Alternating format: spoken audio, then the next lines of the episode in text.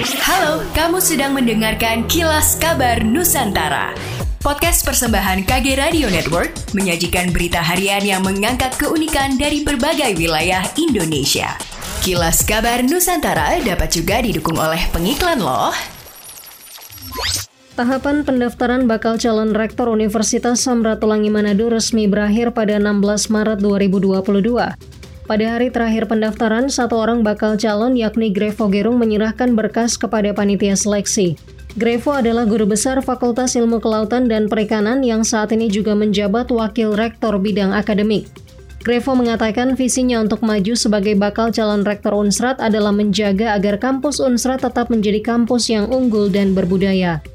Sejak dibuka 9 hingga 16 Maret 2022, panitia seleksi mencatat tujuh orang pendaftar telah memasukkan berkas. Roni Maramis, Ketua Panitia Penjaringan Bakal Calon Rektor mengatakan, tahapan selanjutnya adalah verifikasi berkas.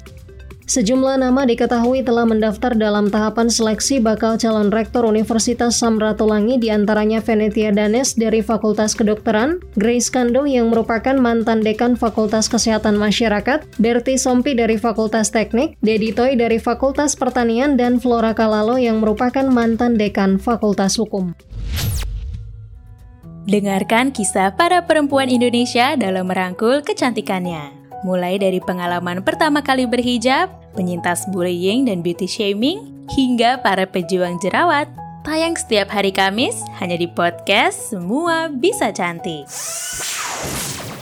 Rencana pengusulan gelar pahlawan bagi Syekh Muhammad Arsyad Al-Banjari atau Datuk Kelampayan terus dimantapkan Dewan Harian Daerah Penerus Pembudayaan Perjuangan 45 atau DHD 45 Provinsi Kalimantan Selatan. Satu tahapan lagi yaitu menggelar seminar nasional rekam jejak Syekh Muhammad Arsyad Al-Banjari di Gedung Mahligai Pancasila baru-baru ini. Usai membuka kegiatan, Gubernur Kalimantan Selatan Sahbiri Nur menyatakan dukungannya terhadap upaya tim pengusul dari DHD 45 Kalsel untuk penganugerahan gelar pahlawan nasional kepada Syekh Muhammad Arsyad Al-Banjari. Dengan seminar nasional ini, pengusulan Datu Kelampayan sebagai pahlawan nasional dapat memenuhi syarat-syarat yang ditentukan. Meskipun demikian, tanpa bergelar pahlawan nasional pun, menurutnya Datu Kelampayan telah menjadi pahlawan bagi masyarakat Banua karena telah menghiasi bumi Nusantara dengan keilmuan, ide, dan gagasan baru dalam dunia pendidikan, peradilan, dan keumatan.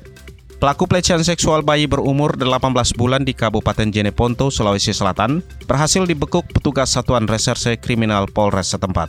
Sang pelaku berinisial H adalah orang dekat korban, tepatnya kakek tiri. Informasi tersebut dibenarkan Kapolres Jeneponto AKBP Yuda Kesit Dwi Jayanto. Berdasarkan hasil penyelidikan, kejadian berawal ketika pelaku berupaya menenangkan korban saat menangis di pagi hari. Setelah dicek, korban ternyata buang air besar. Pelaku lantas membawa korban ke kamar mandi untuk dibersihkan. Namun nahas, pelaku malah melakukan perbuatan keji dengan melecehkan korban menggunakan jari hingga kelamin bayi tersebut mengalami pendarahan. Kejadian itu baru diketahui setelah tante korban mendapat bayi malang tersebut menangis dengan kelamin yang mengeluarkan darah. Dari hasil pemeriksaan, dokter rumah sakit menyatakan luka pada kelamin korban diduga akibat tindak kejahatan. Yuda menuturkan pelaku sempat membantah tudingan yang ditujukan kepadanya. Tetapi belakangan pelaku akhirnya mengakui hilaf saat berbuat keji terhadap cucu tirinya. Yuda mengatakan saat ini pelaku sudah ditetapkan sebagai tersangka. Akibat perbuatan bejatnya, kakek H dijerat dengan Undang-Undang Nomor 35 Tahun 2014 tentang Perlindungan Anak.